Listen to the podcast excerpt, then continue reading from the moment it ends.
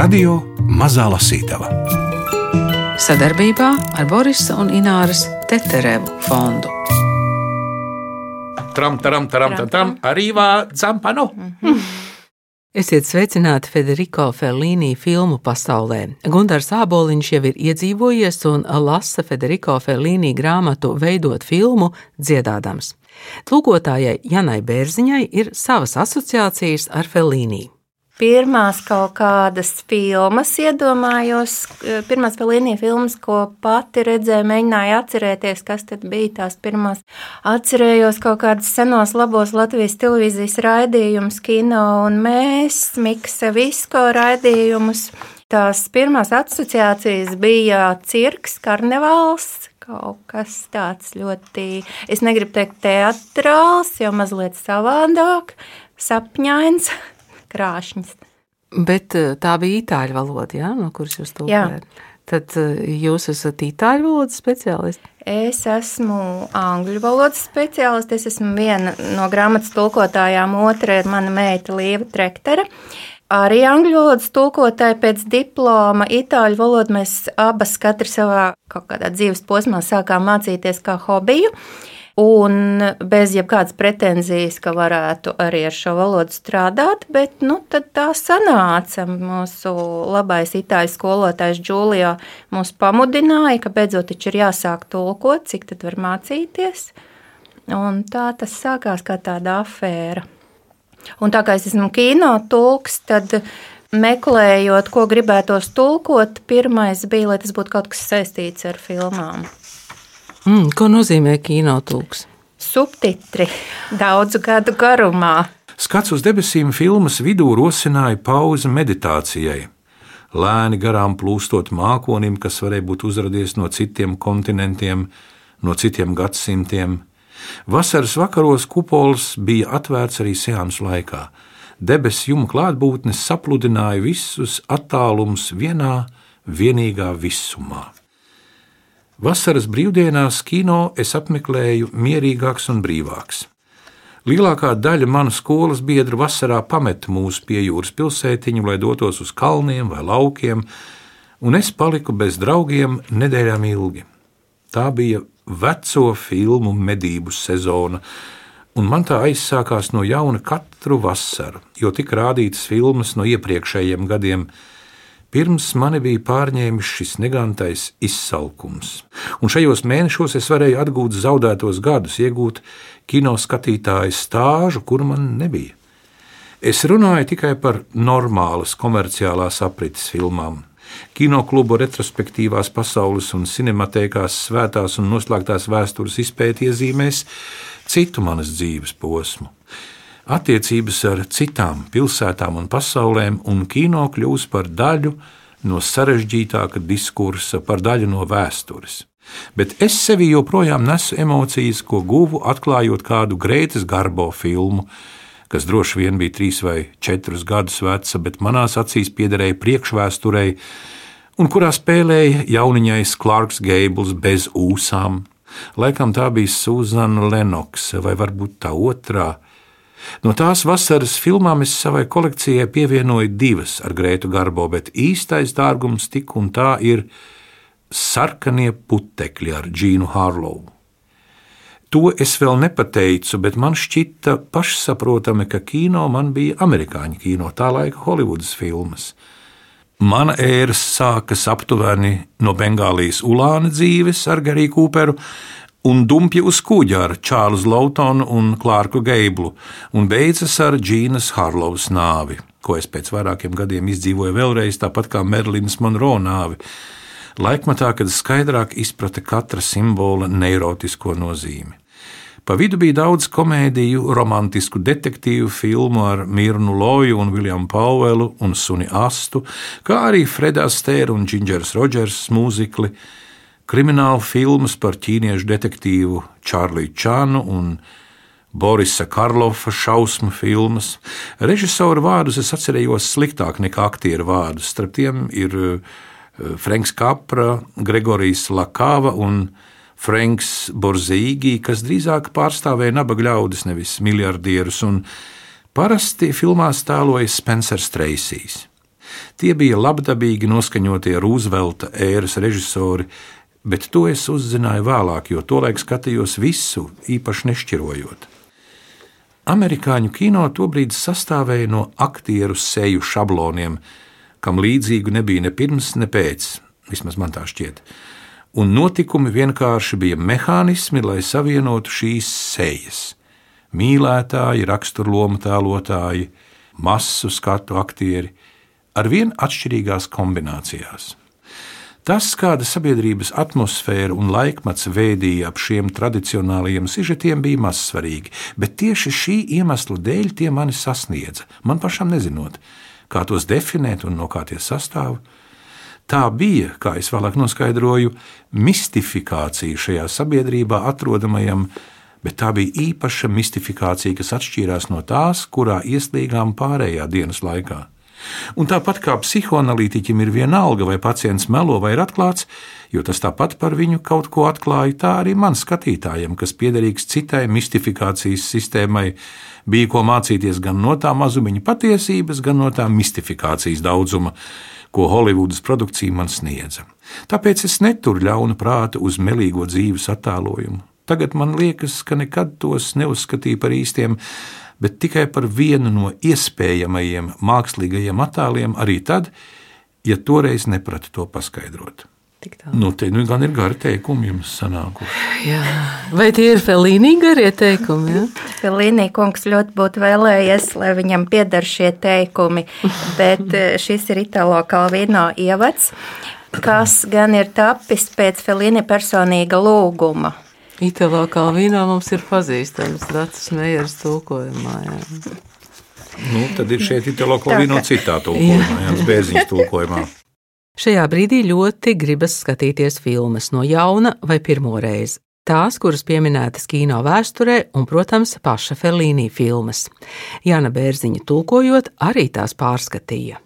Tas viss ir redzēts. Pilnīgi viss. À, jā, tulkojot, jā, pirms tam bija daudz redzēts, bet tulkojot, lai saprastu, ko tieši Felīni domā, ar kādu vienu vai otru teikumu bija jāskatās arī filmas, un gal galā sanāca tā, ka mēs abas tulkotājas vasarā noskatījāmies visas filmas vēlreiz. Fantastiski. Daudz viņam nav. Felīni nav Vudijs Alens. Tas bija tikai patīkami. Tie ir, filma, tie ir filmogrāfija. Ir filmogrāfija, jā. Un mhm. šo visu jūs noskatījāties. Jā. Es labprāt noskatītos. Bet, bet nu labi, tur ir uh, pie jūras pilsētiņa, ir domāts Riminī, Riminī, Riminī vai ne? Un pēc tam Roma. Nu, tad aizbraucāt uz Rīgāni, uz Romu. Nē, iejaucās neparedzēti apstākļi. Bet grāmatas otra tulkotāja, mana meita dzīvo Itālijā, kā, taču viņa uz Riminī netiek, diemžēl, šobrīd. Gunārs Aboliņš lasa Federico Fellīnī grāmatu Veidot filmu. Varbūt mazāk zināmas epizodes režisora dzīvē ir viņa televīzijas pieredze un mēģinājumi žurnālistikā. Man, es tagad uzšķīru to, ko ir rakstījis pats Fellīnī, ja tā pareizi saprotu. Ja? Fellīnī kungs, jā. Es ceru. Maestro Felīni. Maestro Felīni. Es neesmu pazīstams ar kino klasiķiem, Mūrnāvu, Drejeru, Eizensteinu. Ar kaunu atzīstos, ka neesmu viņu filmas nekad redzējis. Ieradies Romā, es sāku vairāk apmeklēt kino. Reizi nedēļā, reizi divās nedēļās, kad es nezināju, kur iet, vai kad filmu rādīšana bija apvienota ar varietē. Visvairāk es biju iecienījis Volturno, Fenice, Alcione, Brancaccio, Man vienmēr bija fascinējis avanspektakolo, tāpat kā cirks. Avanspektakolo burtiski itāļu valodā nozīmē pirms izrādes. Varietē paveic īsi muzikāli priekšnesumi, komisks ainas un karnevāla programmas tika izpildītas uz skatuves starp filmu seansiem. Man šķiet, tādas intermēdijas arī Latvijas laikā bija. Kino taču spēlē bija muzikālas intermēdijas. Man kino nozīmē telpu, kas ņudz no balsīm, sviedriem, maskām, ceptiem kasteņiem un bērnu čurām. Pasaules gala, katastrofas, iebrukuma atmosfēras, kņādu pirms varietē, mūziķus, kas ieņem vietu orķestrī, akordus, komiķa balsi, meiteņu soļus aiz priekškara, vai cilvēkus, kas ziemā iziet pa rezerves izēju uz šauras ieliņas, mazliet apstulbuši no augstuma, Kāds dungo filmas galveno motīvu, kāds čurā. Tātad mana pārcelšanās uz Romu zināmā mērā bija saistīta ar kino. Es biju redzējis daudz amerikāņu filmu, kurās žurnālisti bija fascinējoši personāži. Es vairs neatceros to nosaukumus, pagājuši daudz gadi, bet skaidrs, ka es biju tik ļoti iedvesmots, redzot, kā dzīvo žurnālisti, ka arī pats nolēmu kļūt par žurnālistu. Man patika viņu mēteļi un veids, kā viņi nesāja cepures otrādi. Kurā gadā tas bija?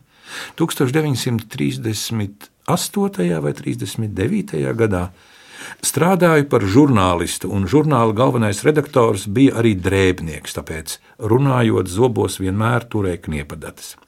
Diegu, lenšu un spraužam adatu juceklī viņš paziņoja, ka grib interviju ar Osvaldo Valenti, itāļu kino aktieris. Nodzīvojis tikai 39 gadus. Tā nu torīt es pirmo reizi devos uz Činečitā.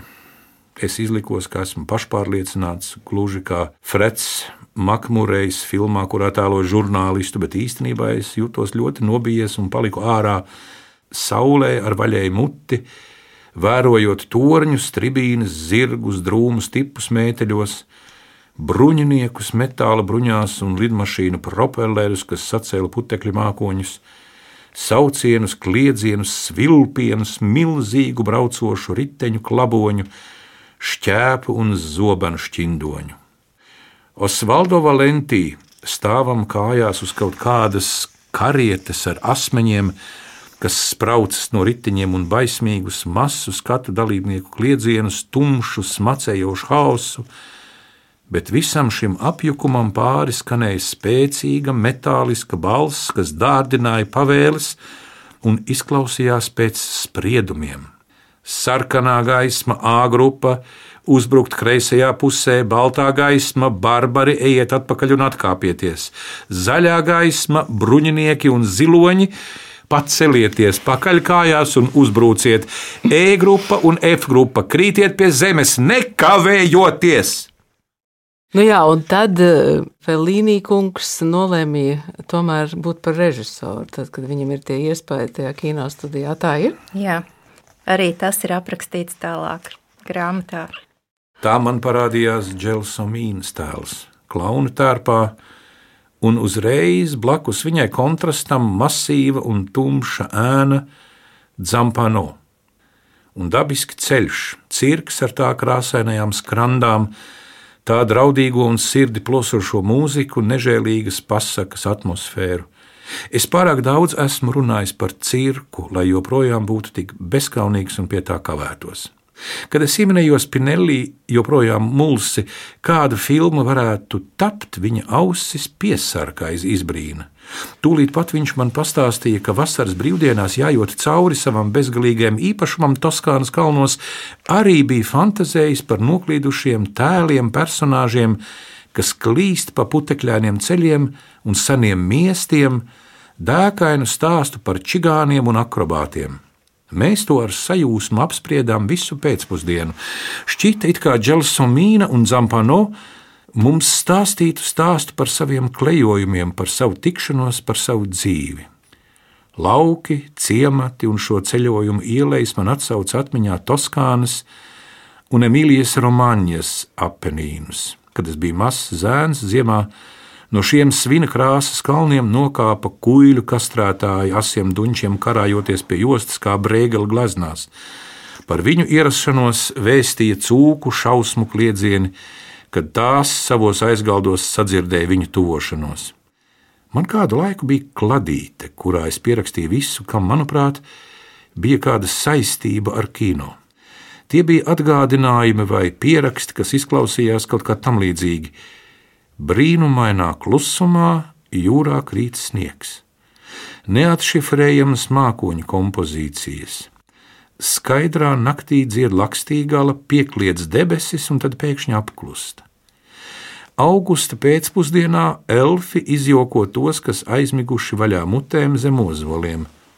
Pirmās piezīmes par filmu bija tam līdzīgas, bet ko tās nozīmēja? Kura filma tā bija?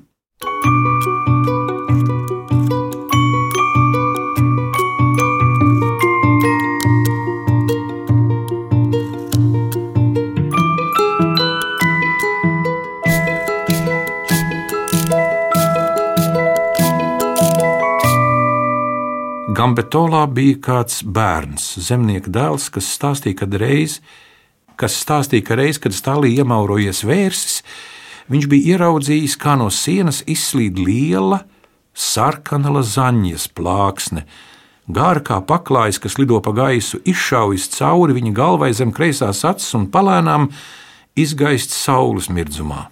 Šis zēns arī teicās reiz redzējis divas lielas, tumšas sudraba lodes, kas pulkstenim sitot divi noripojušas no zvanu torņa un arī izšāvušās cauri viņa galvai. Viņš bija savāds bērns, un arī Dželsomīnai bija jābūt mazliet savādai. Ja es būtu nedaudz nekaunīgāks nekā esmu, varētu norādīt citas, iespējami dziļākas saknes, kas noteikti manā fantāzijā devušas dzīvību personāžiem un viņu stāstītajiem stāstiem. Tās ir nožēla, nostalģija, sēras, stāsts par zaudēto nevainību un izmisīgā cerība par tīru pasauli, ko veido uzticības pilnas attiecības un tā visa nodevības neiespējamība. Galu galā visa tā mulsinošā, neskaidrā vainas sajūta, ko nenogurstošā gādībā mūs šantažējot, kopī lolo un pārauga katoļu baznīca. Bet, lai izsakotu šīm saknēm, vajadzētu kāda psihoanalīzes ģēnija palīdzību. Čelsomīna un Zampano arī var Zampano. Jā, jā. Tas ir ceļš. Tur ir uzvedinoši, jā. Tram, tram, tram, tram, tram, arī var Zampano. Viņam tur ir daudz filmas, un mēs varētu turpināt par filmām, bet um, man šķita, ka varētu būt um, tāda diezgan provokatīvi uh, palasīt arī par to, kāda ir viņa televīzijas pieredze? Jā, tā ir ļoti interesanta nodaļa. Tādā varbūt šodienas skatījumā. Tas arī ir Felīni vienīgais mēģinājums televīzijā, no kā viņš vēlāk aiziet, bet viņam nepaliek nekāds rūkums par to. Tas ir viņš ir izmēģinājis šo veidu, sapratis, ko viņš par to domā. Ļoti interesants tēls. Tur viņš raksta, ka viņi vienmēr ir vilinājis televizors kā kaut kāda visu redzošā citplanētieša acis mājā, bet Felīni atgriežas pie kino. Jā, nu nes, ko viņš Tas jau ir, mūsdienās tas jau ir teikt, ne? visredzošs acis, tas jau tā kā no Orvela ir lielais brālis tevi vēro. Man kino ir attēls, un gaisma ir tā neatņemams faktors. Esmu to teicis daudz reižu. Kinematogrāfā gaisma ir ideoloģija, sajūta, krāsa, tonis, dziļums, atmosfēra, stāsts. Gaisma dara brīnumus, tā pievieno, atņem, samazina, bagātina, liek izgaist, pasvītro, dod mājienu, padara ticamu un pieņemamu fantastisko sapni. Un tieši pretēji var norādīt uz caurskatāmību, vibrācijām, tā padara pelēko un ikdienišķo realitāti par mirāžu. Ar vienu prožektoru un pāris filtriem pelēka un neizteiksmīga seja kļūst gudra, noslēpumaina, fascinējoša. Viselementārāk un neprasmīgāk veidotajās dekorācijās gaisma var atklāt visnegaidītākās perspektīvas un atdzīvināt stāstu satrauktā un nemierīgā atmosfērā. Arī vienkārši mazliet pavirzot prožektoru un ieslēdzot pretgaismu, visas ciešanas izzūd un viss kļūst mierīgs un mājīgs. Filmu raksta ar gaismu, un noskaņu izsaka ar gaismu. Taču televīzijā šis gaismas pielietojums, kas man šķiet fundamentāls, nav pašu pamatu pamats, jo netiek dota iespēja izgaismot sejas un objektus gleznieciski vai psiholoģiski, vai lai kā pie vēlna tu kā autors uzskatītu par pareizu sevi izteikt. Nav nekā, ne pusgaismas, ne ēnas, ne pretgaismas. Daudzus šos efektus tik un tā nemaz neredzētu. Televīzijā viss jāsaskata skaidri. Izteiksmes līdzekļi, par kuriem es runāju, un kas ir kino pamatu pamats, televīzijā nav ne pieprasīti, ne novērtēti. Tātad attēlam televīzijā piemīt ilustratīva nozīme. Tas veido ilustrāciju, nevis izteiksmi. Roselīnī bija taisnība, kad viņš ātri vien saprata, ka vistiešākais un labākais komunikācijas veids, kā izmantot televīziju, ir veidot ilustratīvas didaskālijas, kaut ko līdzīgu lekcijai ar diapozitīviem, ko rāda pa vienam ar vienkāršu montāžu. Viņš izmēģina, viņš tagad uh, salīdzina, teoretizē, bet viņš nu, nesaka. Nē, varbūt es uz televīziju lūkojos no pārāk aristokrātiskas perspektīvas, pārāk privātas un personīgas, kā vienmēr. Būtībā es sev teicu, tā kā kino praktiski paredz ļoti darbietilpīgu plānošanu, kamēr bieži vien vēlos izteikt sevi uzreiz un spontāni. Iespējams, darbs televīzijā atmetot kinematogrāfa apgrūtinošo tehnisko, organizatorisko un loģistisko aparātu varētu palīdzēt uzlabot izteiksmes iespējas, izmēģināt jaunu stilistiku, kaut ko līdzīgu avangardam, privātam eksperimentam, laboratorijai. Turklāt no psiholoģiskā skatu punkta apziņa, kas strādāja televīzijai, sniedz vieglumu sajūtu, kas man šķiet patiesi veselīga. Lūk, tā es domāju par televīziju. Pieredze man iemācījusi, ka tas ir kaut kas pilnīgi atšķirīgs no kino, un es nezinu, kas ir autori televīzijā. Kamēr radiofonā ir radioautori, proti, autori, kas darbojas tikai šajā konkrētajā plašsaziņas līdzeklī un kam izdevies mākslinieckā darbībā specifiski interpretēt realitāti. Televīzijas gadījumā es nezinu, kas varētu būt televīzijas autori varbūt neviļas prātā nāk vienīgais televīzijas autors ir Maiks Bonžorno. Itāļu un amerikāņu TV šovu vadītājs uzskatīts par visu laiku populārāko ētera personību Itālijā. Diemžēl miris jau 2009. gadā. Tātad vienīgais televīzijas autors ir Maiks Bonžorno, kurš ar savu esamību piedāvā tik sagrozītu un murgainu mūsu valsts vai cilvēka dabas atspoguļojumu, ka viss šis niknums, nezināšana, sacensība, virspusējā erudīcija, kas ir neapzināta mūsu tik provinciālās valsts interpretācija, liek mums saukt viņu par televīzijas autoru, jo viņam ir izdevies radīt interpretāciju. Visu apkopojot, viņa televīzijas Viktorīna ir diezgan labs māksliniecisks piemērs tam, kā satraucošā priekšnesumā izteikta un attēlota sava veida muļķība. Ja tā nav, uz ko vēl var atsaukties, kāds par ko varētu teikt, lūk, pazīstama personība, kas zina? Varbūt jāpiebilst, ka televīzijā nav šāda uzdevuma būt vairāk vai mazāk piemērotu mēdīju autora ekshibicionismu, uzpūtības un narcisismu izpausmēm. Tai nav nepieciešami estētiski objekti, ko vērtēt pēc estētiskajiem kritērijiem. Televīzija informē, tikai informē. Patiesajam televīzijas spēkam vajadzētu slēpties lūk, kur pārraidēs un ziņās, notikumā, kas notverts brīdī, kad tas notiek, un uzreiz pārraidīts, reizēm gūstot netīšu ekspresīvu rezultātu, tam nejauši kļūstot tēlēnākam nekā to būtu pieļāvušas autora sākotnējās izvēles, starpniecība un stils. Šis ir brīnišķīgs fragments. Pirmkārt, tas ir uh, gluži vai rokas grāmata jaunajiem režisoriem, īpaši tādiem, kas nevar kaut ko izvēlēties. Un arī šis uh, fragments raksturo visu tekstu un Felīni attieksmi tādā ziņā, ka viņam neinteresē varbūt kritizēt, bet viņš teoretizē un ironizē. Ja viņam kaut kas nepatīk, viņš izvēlas to ceļu ironizēt. Itāļu kino režisora Federico Fellini grāmatu veidot filmu latviski tulkoja Jana Bērziņa un Līva Trektere, izdevis Aminorī, melnbalta elegantā Arta Rutka dizainā. Latviešu izdevumam ir arī režisoru Ilonas Brūveres un Viestura Kairiša priekšvārdi, un, protams, pēc paša Fellīnī lūguma Italo Kalvino ievads. Mākoņi saplūst ar sapņiem, kino kadri ar jūru, miglā mistiski dejojošs karnevāla gājiens ar pasaules galu, un sākas atkal jauna filma.